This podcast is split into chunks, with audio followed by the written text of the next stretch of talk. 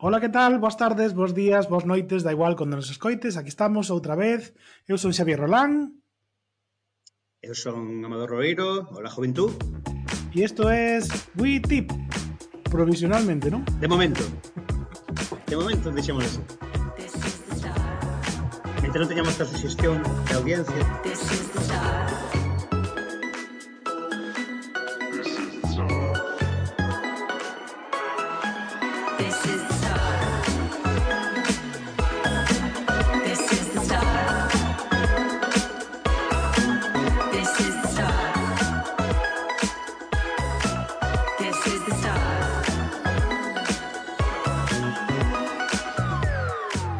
despois desta careta de entrada que nadie escoitou porque a metemos en postproducción, hoxe temos un, un especial WITIP eh, moi chulo sobre un tema que Amador propuxo o primeiro día, que eran as, as fake news, a desinformación, eh, case que non se nos ocorría mellor invitado para hoxe, non?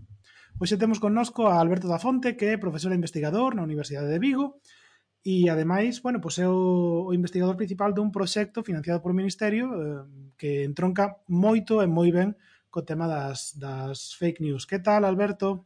Hola, boas, que tal?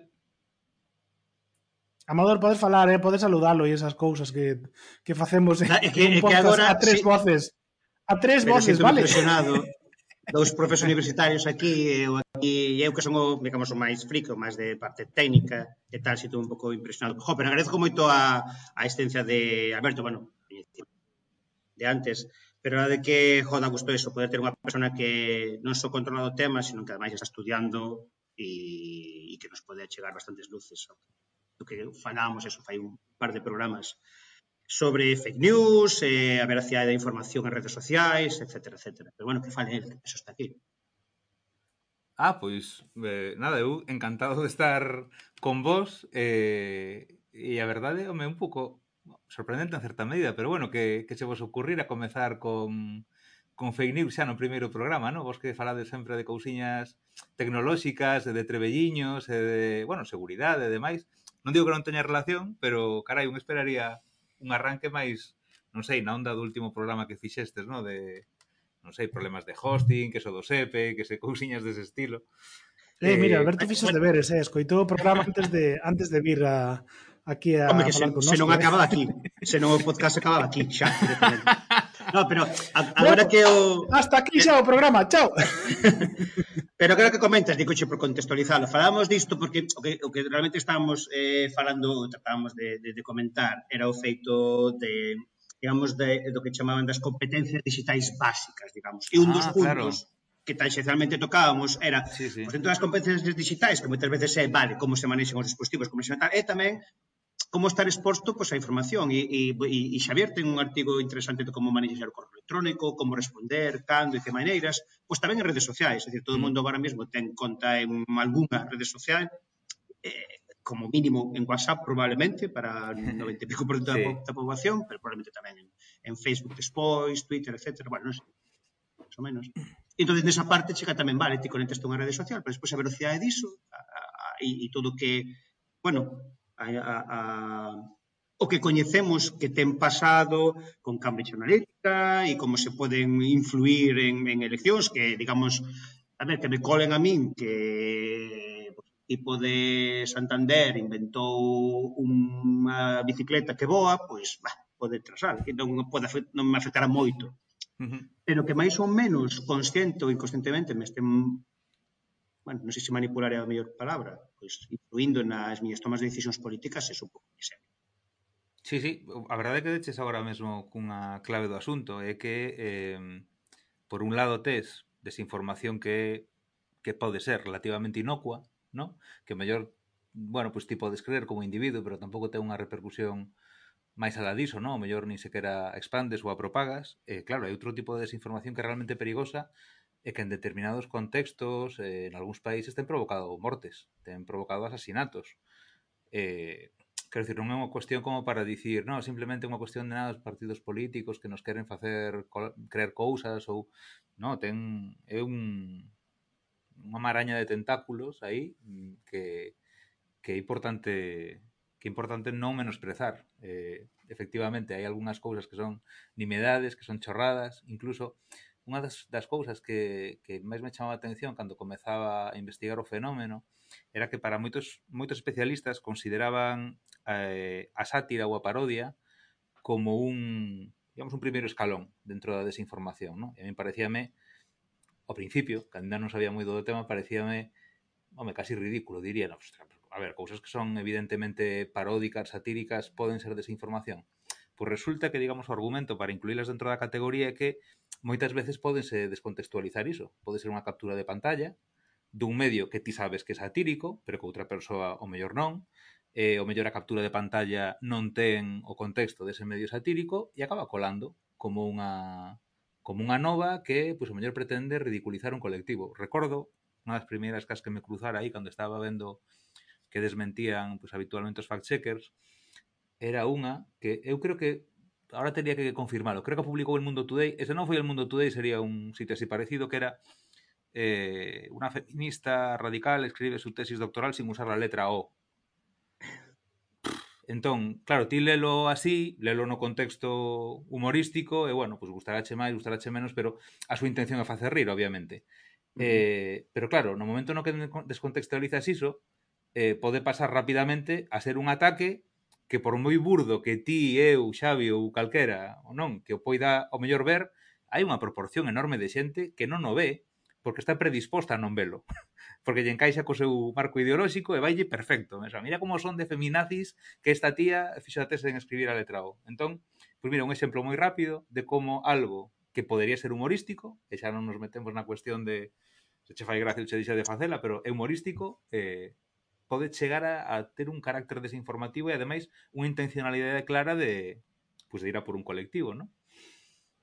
E además co, co caso del Mundo Today, eh, non sei, corríxeme se si me equivoco ou, ou se si tes tú outra percepción, pero creo que tampouco ten eh, non, non é que estén ligadas a, a máis ou menos formación, porque eu teño visto a alguén de formación universitaria pois, que lle colaran como verdades algunha noticia que se publicou en el Mundo Today. Eu Quero decir, hai un, non, é, non é simplemente, no, es que é para gente que non tiene formación las que le colan as fake news. A min mm. teñenme colado tamén informacións que non son verdade. Claro que sí, eu eh, debo admitir que non, non é algo no que teña profundizado moito. Hai investigación, sí que hai obviamente sobre o, sobre o perfil da xente que pode ser máis propenso ou menos, Pensado nos perfis de idade, perfis de, de formación, de estudios, obviamente, pero hai un componente moi importante que creo que está a marxe da formación que un teña, que ese componente emocional ou ideolóxico ou os prexuizos, é verdade que, bueno, digamos, cabe supor que canta máis formación ten un, máis capaz de detectar o mellor os sesgos que ten ou de, bueno, facer unha, un pouco unha metaanálise, non? pero tamén é verdade que non é necesario, o sea, hai un montón de xente con doutoramentos que, que calquera podería dicir, pois pues, pues un imbécil, un imbécil cun doutoramento, non? Pero un imbécil. El entón... doctorado no quita lo tarado. sí, efectivamente, moi ben traído. Eh, entón, iso, aínda que caiba supor que, que unha persoa formada pode ser máis crítica con respecto á información que, que recibe, é verdade que tamén entra en xogo e tamén afecta esa predisposición ideolóxica e que somos moito menos críticos con aquelas cousas con aqueles inputs, con aquela información que nos chega e que favorece os nosos puntos de vista e os nosos propios presuizos. E simplemente con iso, con baixar a garde, con ser menos críticos, pois pues, o mellor se chacolaron. Efectivamente, eu estaba pensando nesa parte o de que, a ver, igual eu non trago con eso, a tese doctoral na que unha rapaza eh, Exclusivamente utilizou un electrodo, pero está aí, vai minando. É dicir, é un graniño sí. máis da area.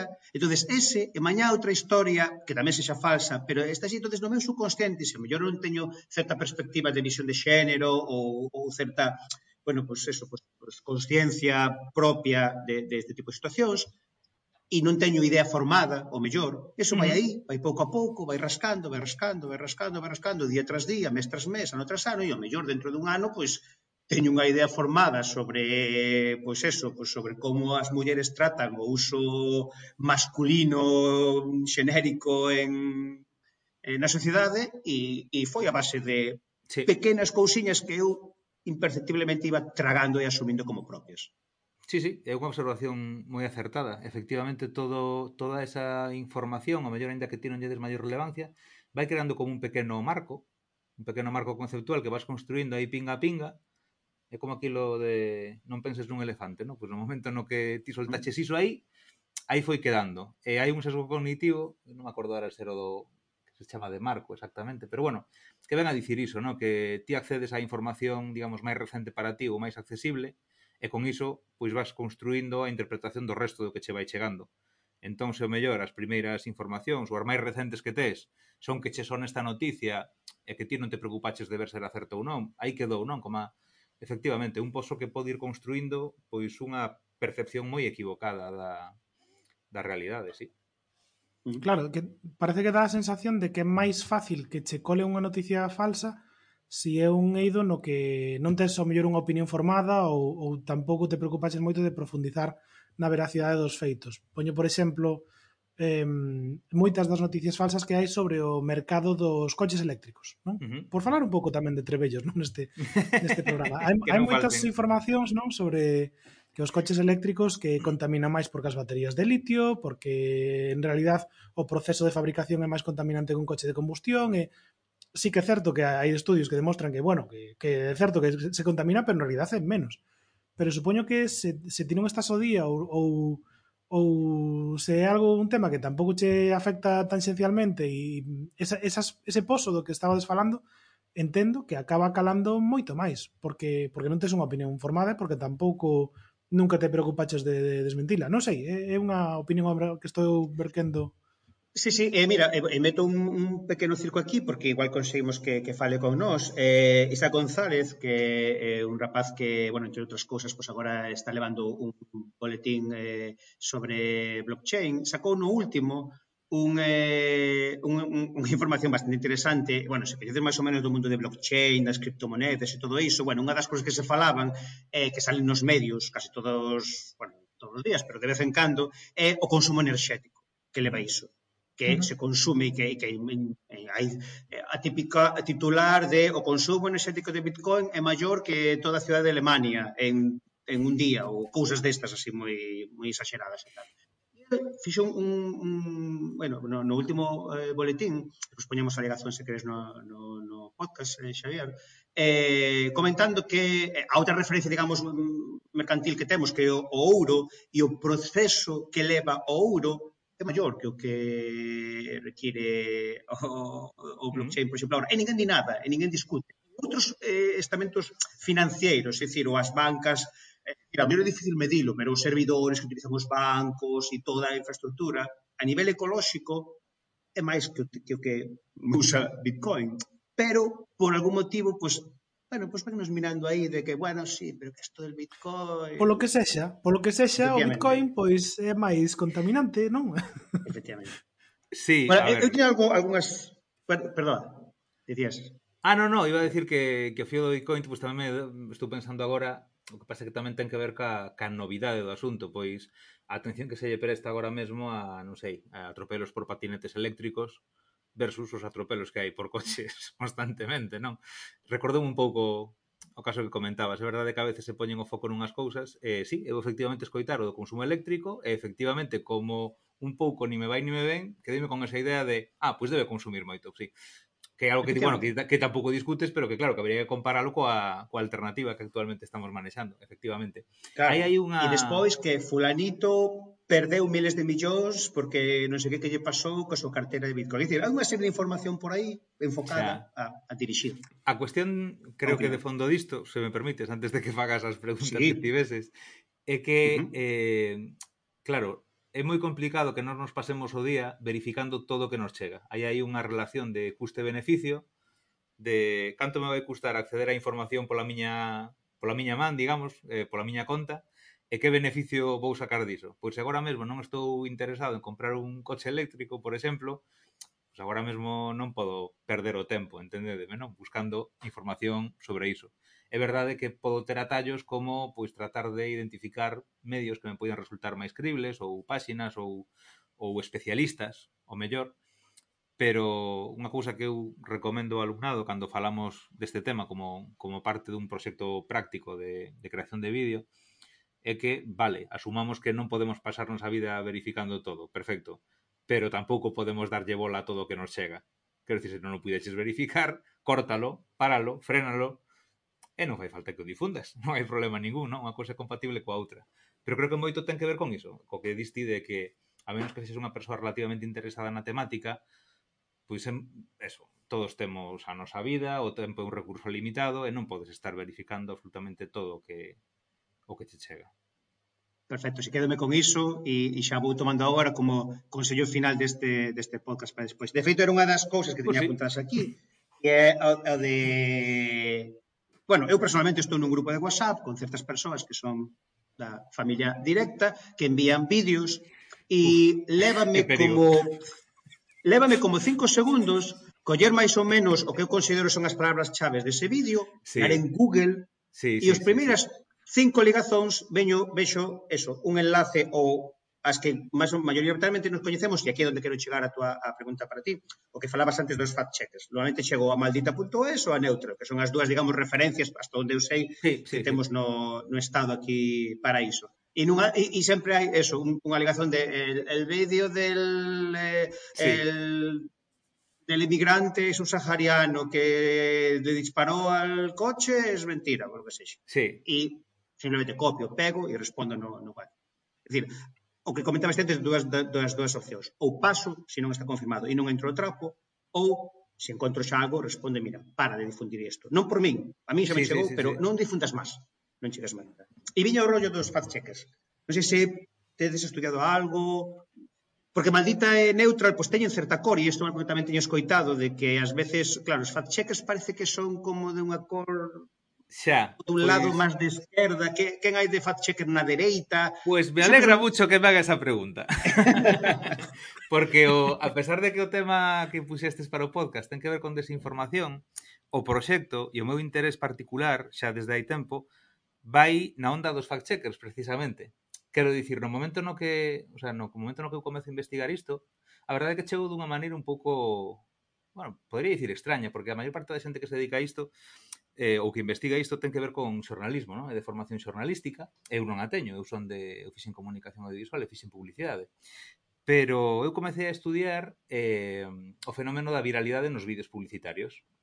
Iso levoume a estudiar ou a aprender as dúas cousas, estudiar e aprender sobre as motivacións que temos para compartir contidos en internet.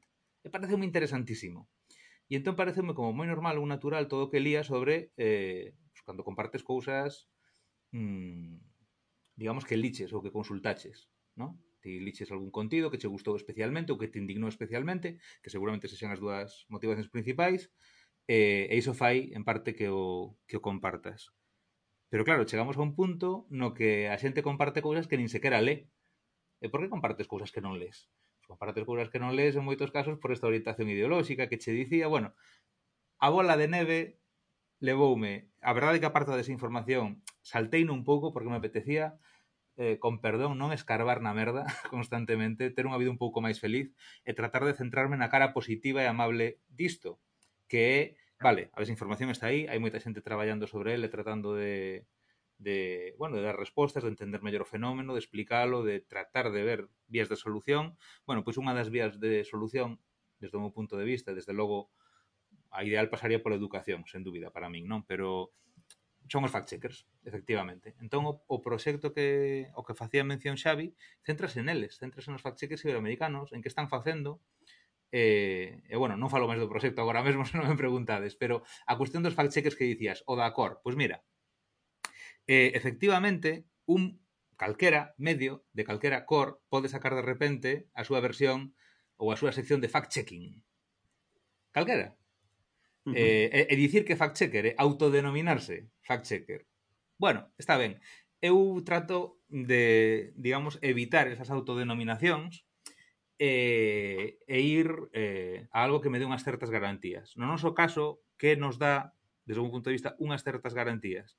Pois unha asociación internacional que se chama International Fact Checking Network, IFCN, eh, que está promovida por un instituto prestixioso de xornalismo que é o Pointer Institute e que, eh, bueno, pois pues ante o, o crecente auxe desta, desta práctica xornalística que non é nova, pero é verdade que pois pues, seguramente de 2014, 2016 tivo un auxe brutal decide, bueno, pois pues, xa que hai moita xente dedicándose a isto eh, en moita xente que di que é fact-checker, pois nos imos crear unha asociación baseada en cinco principios e cunhas certas garantías. Entón, se queres explicoche un pouco rapidamente como como vai iso e o motivo polo cal, aínda que sí que poidas percibir certa cor, creo que quizáis máis en neutral que en maldita, por, bueno, porque tamén ten a vinculación da cana de televisión e demais.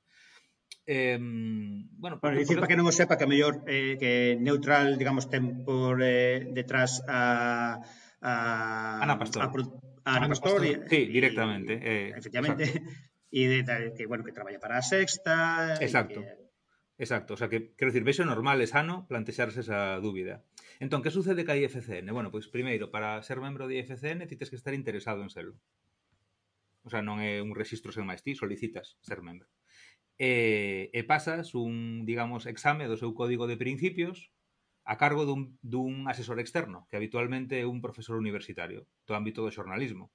Entón enténdese que unha persoa que non está nin vinculada ca empresa, nin tampouco está moi vinculada coa asociación, con Pointer en sí, non son membros de diso. Eh, normalmente distribúese por áreas geográficas e idiomas, obviamente, non? Entón, pois, según o idioma do fact-checker e demais, pois, pois tocache unha persoa ou outra. Entón, que revisa esta xente? Que se cumplen eh, uns principios básicos como, por exemplo, eh, eh, pois tes que dedicarlle atención a todo o espectro político. Non nos vale para estar na asociación que solle descaña a dereita ou solle descaña a esquerda. Ben, iso é un dos criterios. A túa financiación ten que ser transparente. Temos que saber quen está detrás de ti economicamente e o teu organigrama tamén ten que ser transparente. Ten que ser clara a política que sigues de verifica o proceso, o proceso de verificación. O sea, como escolles as cousas que verificas que proceso se sigue dentro da túa redacción para escoller, porque claro, ti non podes escoller todos os temas do mundo para verificar. A maior parte destes son proxectos prácticamente pequenos, ou mellor con cinco persoas, ou dúas a tempo parcial, ou non podes checar todo, entón tens que explicar, ten que ser transparente eh, como seleccionas ti as, as cousas que vas a, a verificar e tens que aplicar, digamos, o mesmo nivel de dureza ou de exixencia tamén a todo o espectro político. Eh, a metodoloxía ten que ser clara debes indicar as fontes das que sacas os datos para dicir que unha cousa é certa ou é falsa ante unha declaración política, por exemplo, ¿no? que é o típico. Pois a España chegan ilegalmente tantos miles de inmigrantes ao ano. Eh, non, é falso. Por que é falso? Bueno, pois porque aquí temos unhas estadísticas, e poso o link dentro da nova, as fontes. Eh, non sei, igual me estou deixando algo, pero tampouco me quero alongar demasiado. Entón, tes que cumplir cunha serie de, de principios que verifica un asesor externo. E tes que pasar ese exame cada ano. O sea, ti non entras aí xa quedas de fact-checker da IFC na perpetuidade, senón que cada ano entras en revisión. Entón, pois pode, probablemente, que o sistema non sexa perfecto, pero a min polo menos dame unhas certas garantías.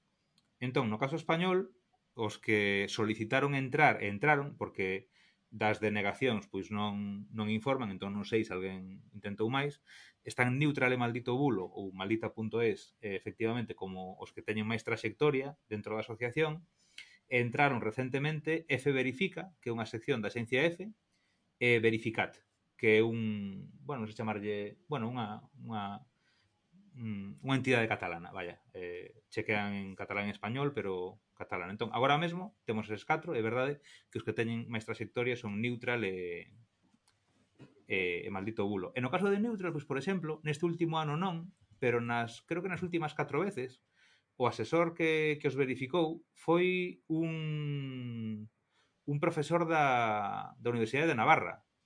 Eh, bueno, que así a priori eh, non creo que sexe unha persoa como moi dada a dicir, no, pois estes como son ideolóxicamente da miña corda para adiante. Non o creo, francamente. Así que, desde o meu uh -huh. punto de vista, dá certas garantías. Eh, e despois, bueno, sí que é verdade que no caso español hai unha unha sección máis ou unha axencia que pode intervir en certa maneira que a FP de France Press que fai fact-checking en español dedícase a eh, Latinoamérica pero bueno, pode ter eventualmente cousas en, en español en español non, perdón, evidentemente ten unha sección en español, quer dicir que pode ter cousas de España, e ten unha división en Cataluña que é Comprobem eh, que é, mm, ten pouca actividade. O sea, está, é unha sección, ten personal en España, FP, pero bueno, eh, xa forma parte dun, dun medio que é francés e que ten presencia en varios países de Latinoamérica. O sea, son 4 e un anaco, digamos, temos agora mesmo en España. Uh -huh. E de todos os países de, de Latinoamérica, incluída España e Portugal, obviamente, eh, que países eh, teñen máis ou, ou onde hai máis eh, organismos adicados a, a verificación de, de noticias. Porque de... entendo que non todos van a ter tampouco as mesmas capacidades. Falo non só como como fact-checkers os medios en xeral. É dicir, non todos van a ter unha estructura de medios eh, no. tan desenvolta eh, como, como España ou, ou Brasil, intúo, por o, por sí. enorme peso que ten ese país. Sí, correcto. Pois Brasil, eh, sen dúbida, é a, o país que, que máis fact-checkers aglutina dentro de IFCN probablemente en xeral. Quero dicir, para aquelas persoas ao mellor que lle interese ver un pouco disto, as dúas referencias ao mellor para ver listados, unha sería IFCN, que ten estes criterios de entrada, e outra sería o Duke Reporters Lab, que o que fai é listado do que hai. Non se meten a valorar se cumple criterios ou deixa de cumplilos, se queredes ver, digamos, o mapa máis amplo posible do que podería ser fact-checking a nivel global, pois ese sería a web, Duke Reporters Lab. Ben, pois sí, efectivamente Brasil. Eh, non só creo por unha cuestión de tamaño, senón tamén por unha cuestión de problemática grave con respecto a, a desinformación. Eh, sí, Brasil, sen dúbida. Ainda que, bueno, hai unha chea de países latinoamericanos que, que contan con algunha iniciativa e, e aí tes razón, dependendo, digamos, do nivel económico das posibilidades, pois home, varían moito na súa actividade, aínda que existan. Dentro de IFCN, por exemplo, pois a disparidade é grande, porque tes desde, pois acabo vos de citar, por exemplo, a Fran Press, France Press, pero tes desde seccións dentro de medios grandes a nivel internacional ata, ata pois non sei, agora mesmo en, en Ghana, por exemplo, pois que é unha ONG, que ten un proxecto de verificación ali, non sei cantos serán, moi pouquiños e con poucos cartos probablemente. Eh, e creo que unha tónica xeral, eh, que, que son entidades relativamente pequenas e con non moitas fontes de, de ingresos. De feito, a principal fonte de ingresos destas iniciativas, na, sí, a principal, agora mesmo a principal, sen dúbida, son as vías de financiación, de financiación que ofrecen pois fundacións internacionais ou os proxectos xornalísticos de Google e Facebook é así, nesa operación que teñen pues, un pouco de lavado, pasada. de lavado de cara, porque ao final é así, o sea, sí que é verdade que están inxectando cartos en empresas xornalísticas e algunhas das que se benefician son iniciativas tan boas e tan chulas como estas de verificación que mellor de outra maneira non existirían, pero, home, sí que é verdade que é unha, unha cuestión máis de relacións públicas que de ou de dicirlle aos gobernos, ei, mira, que nos estamos preocupando moito por isto, que estamos metendo 2 millóns de dólares en financiar estes premios, estas iniciativas de innovación e demais. Pero sí, non había... Activo... Sí. Sí, perdón, perdón, que te estaba interrumpindo. No, só iba a decir eso, o sea, reiterar que é unha vía de ingresos moi importante para o movimento de fact-checking a nivel global todas estas eh, convocatorias as que, sí, son públicas, convocatorias públicas de, de xigantes de internet ou de, de fundacións. O que pasa que, bueno, non sei, en plan, Fundación para o Desenvolvemento Democrático de lo que sea, ten un programa de bolsas as que poden optar para conseguir financiamento, sí. Perdón. I, iba ao fío de que estabas eh, comentando agora, e, eh, e, agora, bueno, tamén a opinión, ou se tes datos, ou, o que pensas ao respecto, porque teño a sensación tamén de, vale, estes fact-checkers están aquí, están funcionando, pero penso agora, pero por que esos fact-checkers están agora e non fai dez anos. Mm. É dicir, hai unha vinculación de fact-checkers eh, eh, directamente, directamente relacionados con redes sociais e o que está pasando agora mesmo en redes sociais, porque en radio, en televisión, en prensa, houbo sempre bulos, digamos, mm. sí. e parece que só preocupan agora. Non preocupaban antes, ou preocupaban, pero igual pues, non como agora, que hai pues eso, esta cantidad de cartos, todas estas empresas detrás preocupadas e empresas que, digamos, que están vivindo disto. Claro. Cal foi o cambio? Mm, a ver, isto pro, probablemente un, un profesor de xornalismo tivese unha perspectiva un pouco distinta da miña ou Pero bueno, basicamente o meu punto de vista é que o, xorna, o bo xornalismo debería ter feito fact-checking sempre. Claro. sempre. Bueno, esa é outra, claro, é decir, isto é poñer a venda claro. cando a ferida era claro, a prevención eh, da ferida era o primeiro. Claro, tirouse moito de, dese de xornalismo de declaracións ou do xornalismo de el dixo, el adixo, no? e nin ese ocupou de, de, de, de chequear se o que dicían era unha barbaridade de expoñelo. Entón, un político abra a boca e o que dis Pa adiante. e, e poderías telo verificado, o sea, poderías recoller a declaración do político e o mellor no corpo da nova dicir, pois pues, afirmou isto, pero resulta que os datos que ten o Ministerio, fontes públicas, xa sin meterse en tal, din outra cousa. E iso era o que se votaba, creo eu, en, en falta na prensa en xeral. Pero tamén porque a prensa eh, está... Dime, dime.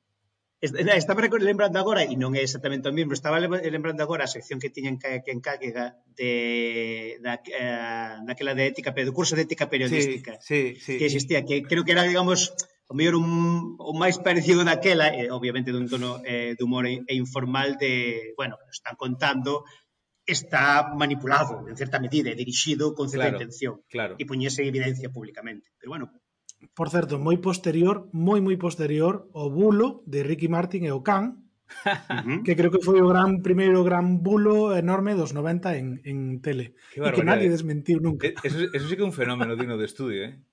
Como uh que la cousa circulou claro. de esa maneira. Que pasada. Claro, non, bueno, digamos... non, non é moi diferente ao, de, o do vestido dourado azul que sucedeu hai un par de anos. Ostras, pero a non, nivel, decir, a, quero a decir, nivel tecnológico... A diferencia que non había... É brutal. A, a nivel tecnolóxico. Non había a, a, as redes sociais, obviamente, e como en, en cuestión de horas, pues todo o mundo tiña algún amigo, que tuvera algún amigo que o vira, ou mesmo que o grabara en vídeo, vale? Que tamén... Pouco de claro, porque agora temos, agora temos o, a versión a la carta de todas as plataformas de medios, co cal, se algo pasou onte, e vou á web, vou ao programa e miro a ver que pasou. Que eso antes non o tiñamos. Claro, se iso é verdade. Claro, Aí, pero... a, a, é verdade que por unha parte o de non poder verificalo axudaba a que circulara. Pero por outra parte, como circulou? Se non, se non tiñamos nin SMS, joder. Xa. Claro, foi eh, boca a boca o sea... moi interesante. Boca a boca brutal. Foi na, foi na prehistoria, o sea, como sucedeu iso? Se eu tiño un amigo que decía que o vira, pouco... como é posible iso? É verdade. Un, un amigo sí, de, todos, iría... todos conocimos a alguén que, que decía que algún amigo o vira. Madre mía. Pois, pues, pois, pues, pois, pues, foi como unha cosa... Referencias E como unha cousa conxunta, é dicir, había xente en Cataluña, en Murcia, en Huelva, en Galiza, en Madrid, que ao mesmo tempo, no mesmo período, Ahí todos está. estaban... Dicir, había unha sincronía na uniformidade sí, sí. Da, da difusión, que eso é, eh. sí, é brillante. Eso fixo, fixo país, eh? Eso fixo país, que todo o mundo conoce a historia. Bueno, non sei, o, o público bueno, pouco... o público máis novo seguramente necesite buscar na Wikipedia. Buscade No, efectivamente, buscade en Google, pero bueno, o, Martín, os, mermelada, os 30.000 ointes, os 30.000 ointes que temos de podcast seguro que conocen perfectamente a a, a historia. Se non a coñecedes, dade like e contámola no próximo no próximo capítulo. Na versión premium. un monográfico, un monográfico. monográfico sobre Ricky Martin, a, a mermelada.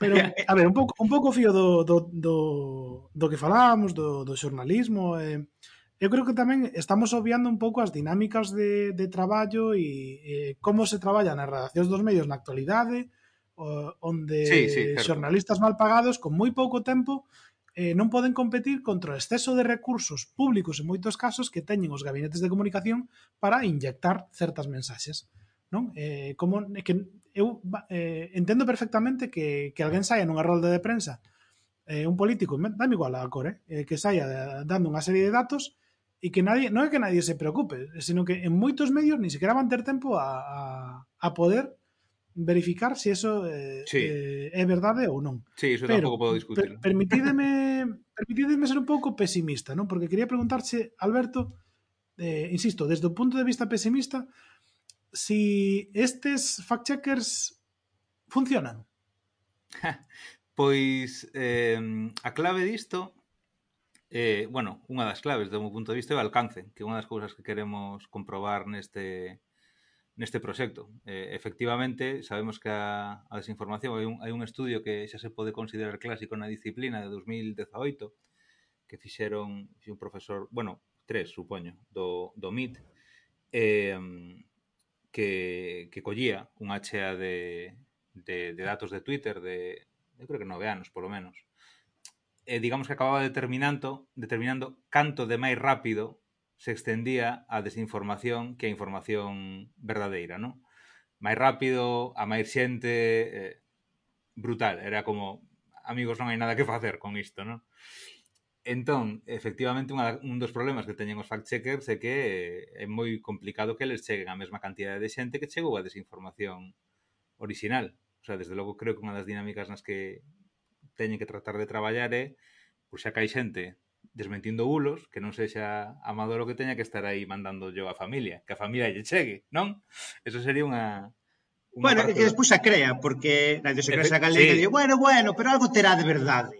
Xa, a ver, xo, é complicado. Saliu na tele. Tamén date claro. conta dunha cousa. Ti, bueno, tal como dis, pois falo dunha maneira moi neutra, eh, creo que iso está ben. Pero hai mm. un... E ten que ver co da, co da eficacia dos, dos fact-checkers. Hai un, un efecto do, documentado que se chama efecto rebote, que é que cando alguén rebate, digamos, a, a túa opinión, no? ou, ou vai en contra das, das túas crenzas, eh, e, e pode ser tratando de desmentirche unha desinformación con, con contundencia, no? ou ridiculizándote, ou, bueno, algo así, pois o que se xera un efecto rebote. Ti meteste na, na cuncha, deféndeste, é probable que incluso busques máis mm, datos ainda que sigan sendo desinformación, que corroboren o teu punto de vista. Ah, pois eu tamén aquí, e eu tamén alá, e aquel outro dixo que... Entón, tamén, polo menos a nivel coloquial eh, ou, ou familiar, pois hai que manexalo con, con certo cuidado. Eh, o de tratar de non aínda que ti saibas que, que o teu está máis documentado e que tes máis argumentos e demais, facelo pois, dunha maneira que outra persoa non se sinta agredida. Nese sentido, o teu enfoque, por exemplo, pois, parece adecuado podría ser incluso máis didáctico, pero tamén pa qué? Seguramente pensarás ti, ah, pa que perder máis tempo con isto? As veces que intentei ser didáctico, efectivamente, moitos do, do, do reflexo foi o de pecharse. Dicir, bueno, pero que eu coñecín a, ou a min pasoume que, que xa. reducen a, e que no meu entorno eu confirmei esta situación. Xa pareceme moi ben, pero eso a nivel estatístico como como unha reflexión universal sí, non me sirve entendo. de moito. É claro. dicir, se a ti pois, pois unha, unha persoa che pegou, non podes calificar que as características desa persoa poden estenderse a toda a poboación xeral. Oye, pois pasoulte, sí, pois, pois, pois, sí, pois posiblemente. Pero é a excepción mm. que non confirma a regla. Claro. Eh, bueno, con... Amador acaba de, de patentar o, o, a verificación de feitos con cariño. Claro. bueno, que... Alumiña, alumiña polo, fact. Polo menos Por lo menos no que ten que ver con noso círculo máis próximo, sí que deberíamos tratar de facelo dese xeito para, para tratar de ter mellores efectos. Pero claro, despois despois cada un coñece o seu grupo familiar e, e ten que valorar se lle merece, se lle compensa, ¿no? se lle ah, compensa. Para mí ten bastante valor que Amador siga estando no grupo. Se lle compensa o esforzo. Sí, verdad. Eu outro día no... me paguen as comidas. No meu grupo familiar eh, comentaba o meu irmán, non sei a raíz de que comentario, que díxome eh, que, que, que o noso pai estaba me facendo caso, porque, a ver, eu obviamente non lle di unha filipica sobre desinformación, pero sí que lle dixen, oye, ten a veces cuidado que as cousas que che mandan, pois, van, dei unhas pequenas pautas, e díxome que nun grupo de, digamos, de colegas da súa xeración fixera un, un fact-check ali a un vídeo que lle mandaran dicindo, ah, pois eso non eh. ten pinta de ser España, eh? Non parece que ese vídeo sea de España. e que dime, que dime moi orgulloso. Dixen, home, pois mira, meu pai ten 65 anos. Eh, eh, e, e dixen, pois así, así, así. Mira, xa conseguín algo, ves? Fact-checking así, sí. Claro, o sea, por lo menos se, se consigues que... A ver, isto claro, é moi no círculo íntimo, pero, bueno, eu que sei, un, un pequeno gran, no que mellora a túa contorna, fai algo. Así que, bueno, eu, eu que me quedo Sí, sí, sí, sí. perdón, perdón. Diga. no, que iba a decir que quedei bastante orgulloso de Boupá ese sentido. non, de logo. Eu, eu que me quedo, normalmente, é a, a onde quero chegar co, eso, co meu entorno próximo eh, e onde vexo estas situacións, é pois, intentar encender a pequena dúbida.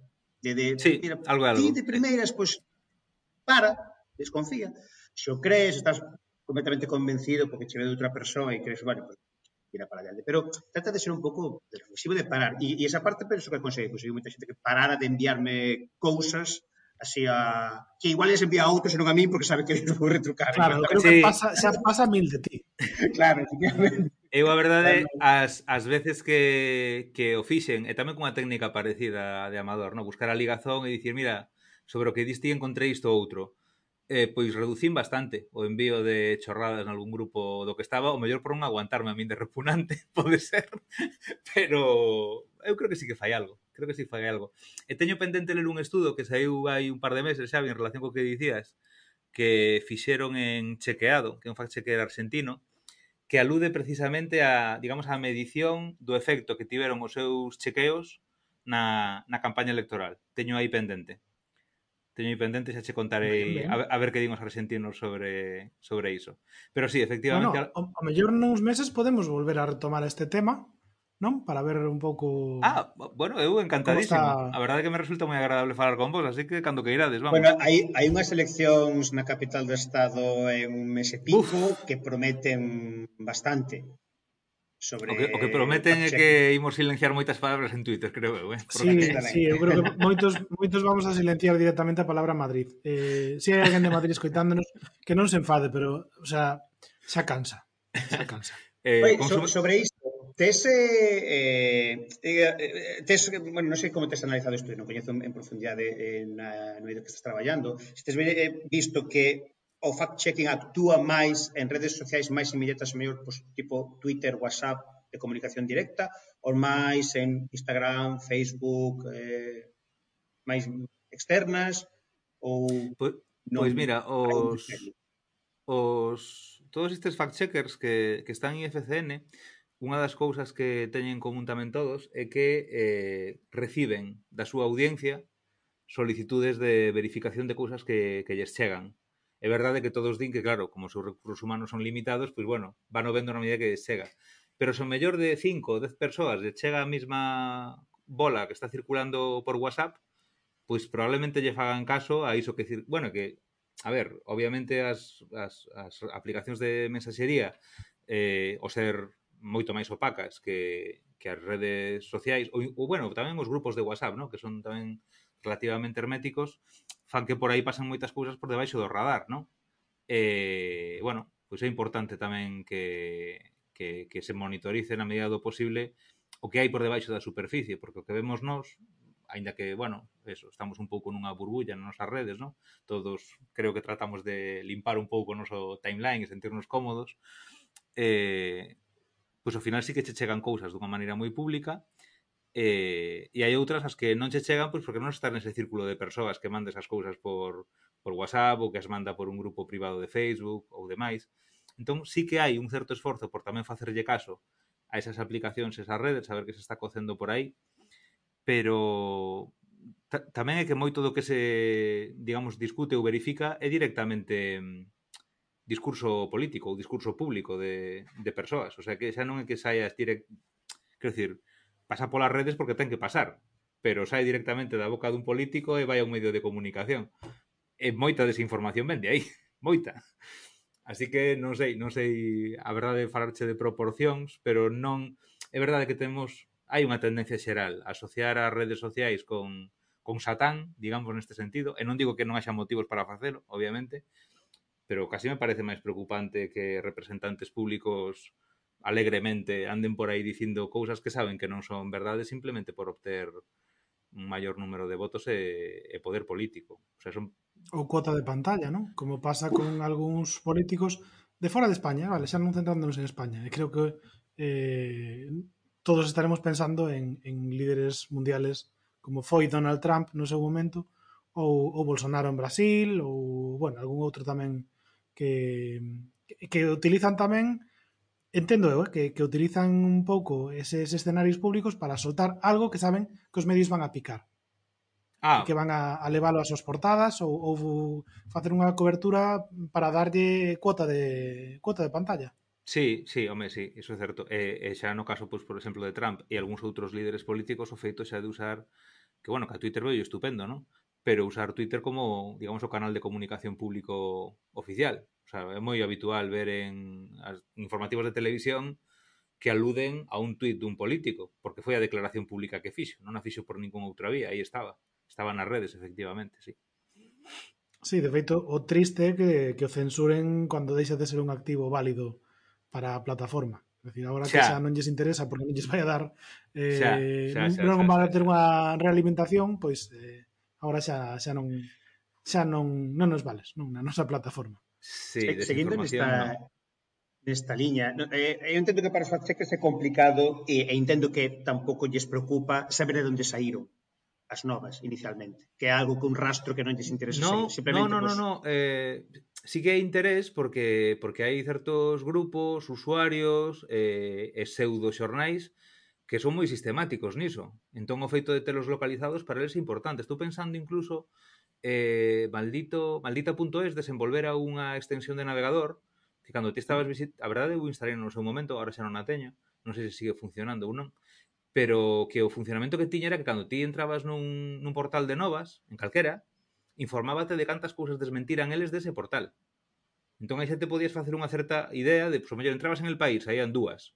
Entrabas en OK Diario, pois igual saían 25 sabes? Eh, así que así que sí que lles interesa, eh, o sea, sí que me parece relevante a min e creo que a eles tamén lles interesa saber de onde xorden estas cousas. E a veces é en medios identificados que eso moi doado de tal, pero a veces é que son perfis ou, ou redes de bots, que xa vi iso teno máis investigado e a veces pois hai un certo núcleo aí intoxicador que se retroalimenta e se ti lo consigues localizar a esa fonte, pois xa, digamos, a, intentas neutralizar expondo a públicamente e eh, o mellor dando historial de, de cousas que foi quero dicir, a veces que antes informe un usuario de Twitter.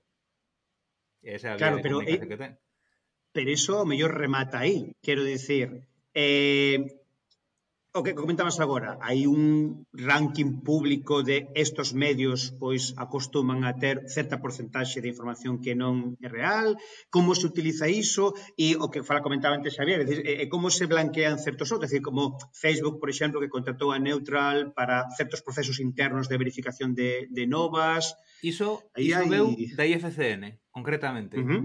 eh, o Facebook, WhatsApp, claro, o ser de Facebook, -huh. Eu non recordo agora mesmo quen máis. Digamos que ese, ese programa de verificación fixeron a través de IFCN, polo tanto, o feito de estar en IFC, na IFCN é o que te acredita para ser colaborador. O sea, non é que Facebook chamase a Neutral, é que Facebook uh -huh. contactou ca IFCN e díxome interésame que os teus asociados se sean os que fagan a verificación. Estou me acordando ahora dun bulo que difundira Vox de, precisamente, Ana Pastor, espío teu WhatsApp, e todo o que envías, e viña de aí, viña de aí a movida. Sí. Correcto. Viña de aí. Uh -huh. E, eh, bueno, pois pues Facebook será como queiras, pero Facebook non lle, non lle pasa os teus whatsapps a Ana Pastor para que para que os claro. verifique. E sin embargo, na liña da que dicías, pois hai xente que como quere creer iso, creo, e dalle igual o que lle digas. É así. O, o problema sea, é, é, que ves é, así, que, é así de marciano. Que... Claro, pero A verificación de feitos que obviamente pode estar ligada pois a, unha, a un sesgo ideolóxico e está por, por ambas partes do espectro, non? Por a esquerda e a dereita. Eu creo que o posicionamento que hai entre, entre, o, entre os perfiles máis polarizados é eh, mentira, mentira isto non, mentira, mentira sí, os outros. Claro. Os que veñen, non son eu o coche que ven sentido contrario, son os demais. Sí.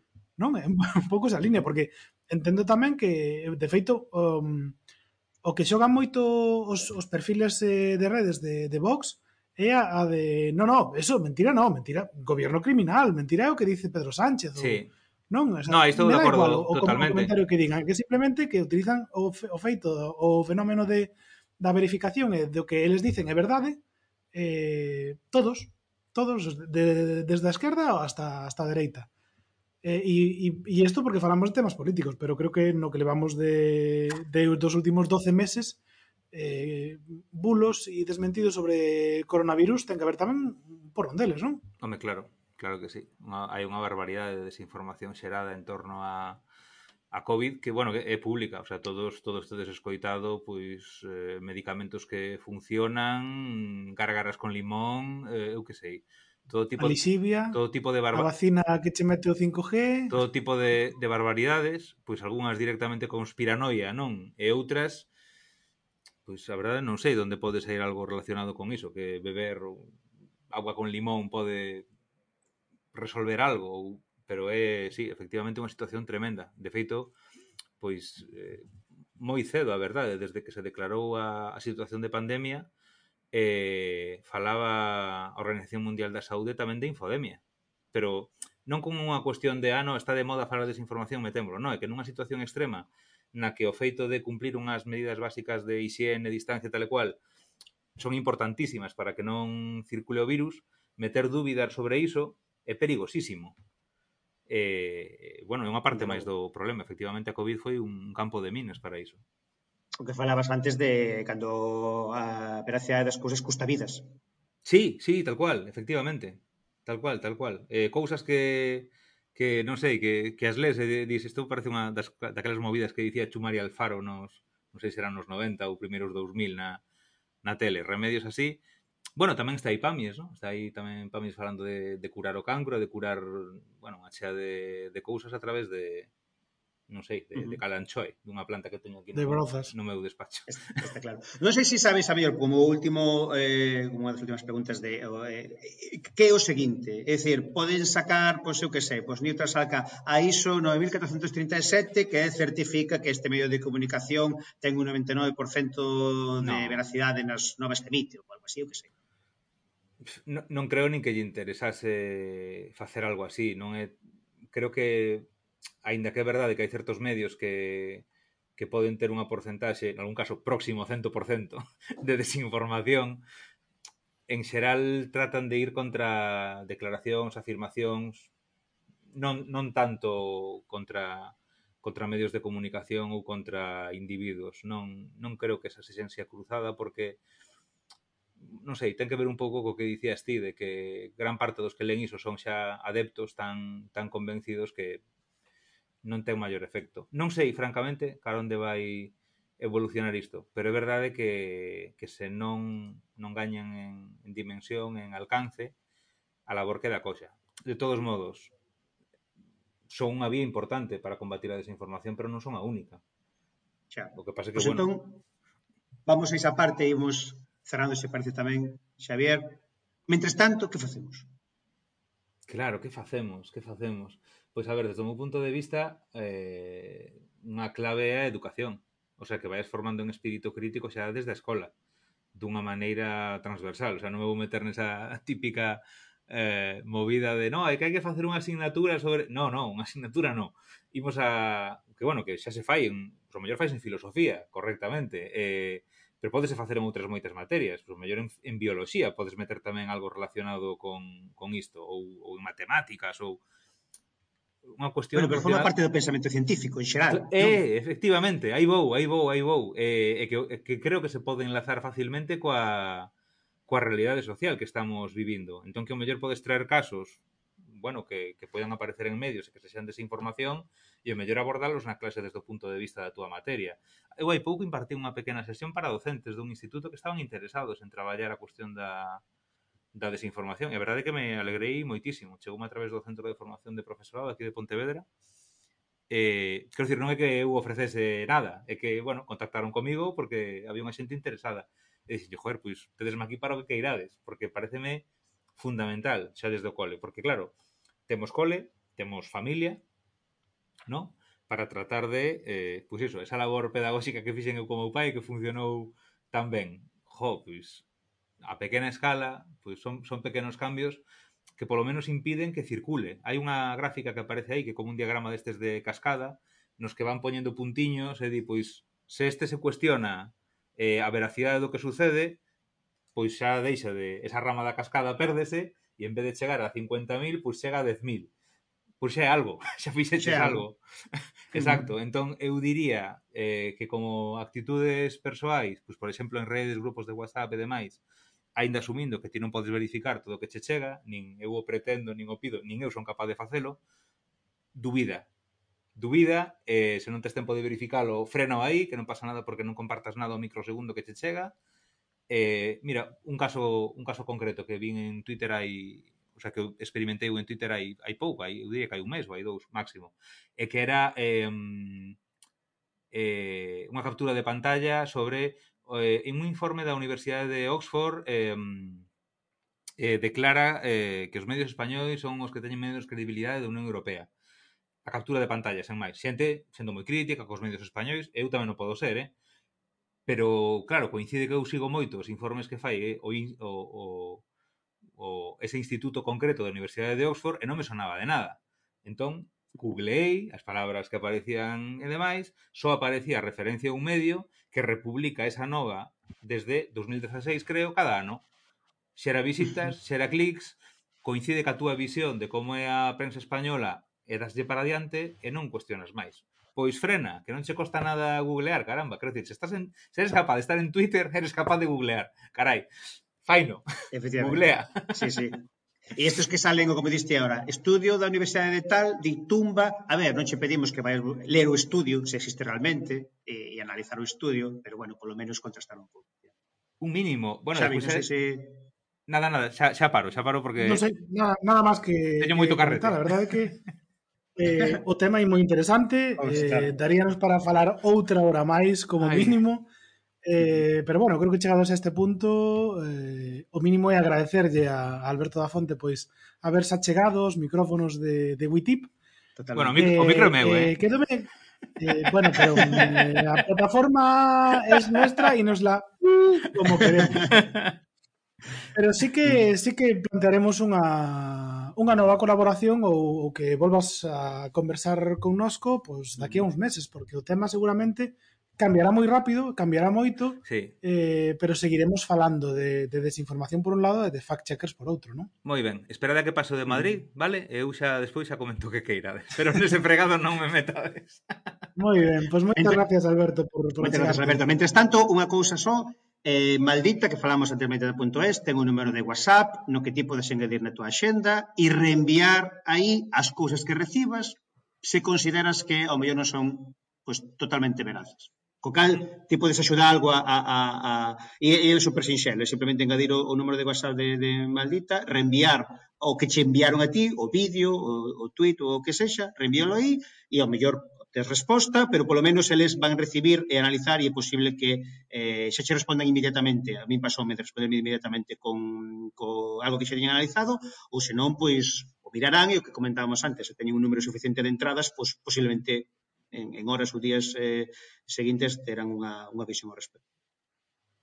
Moi ben, pois pues aquí queda este último consello de Amador tamén. Gracias, Amador.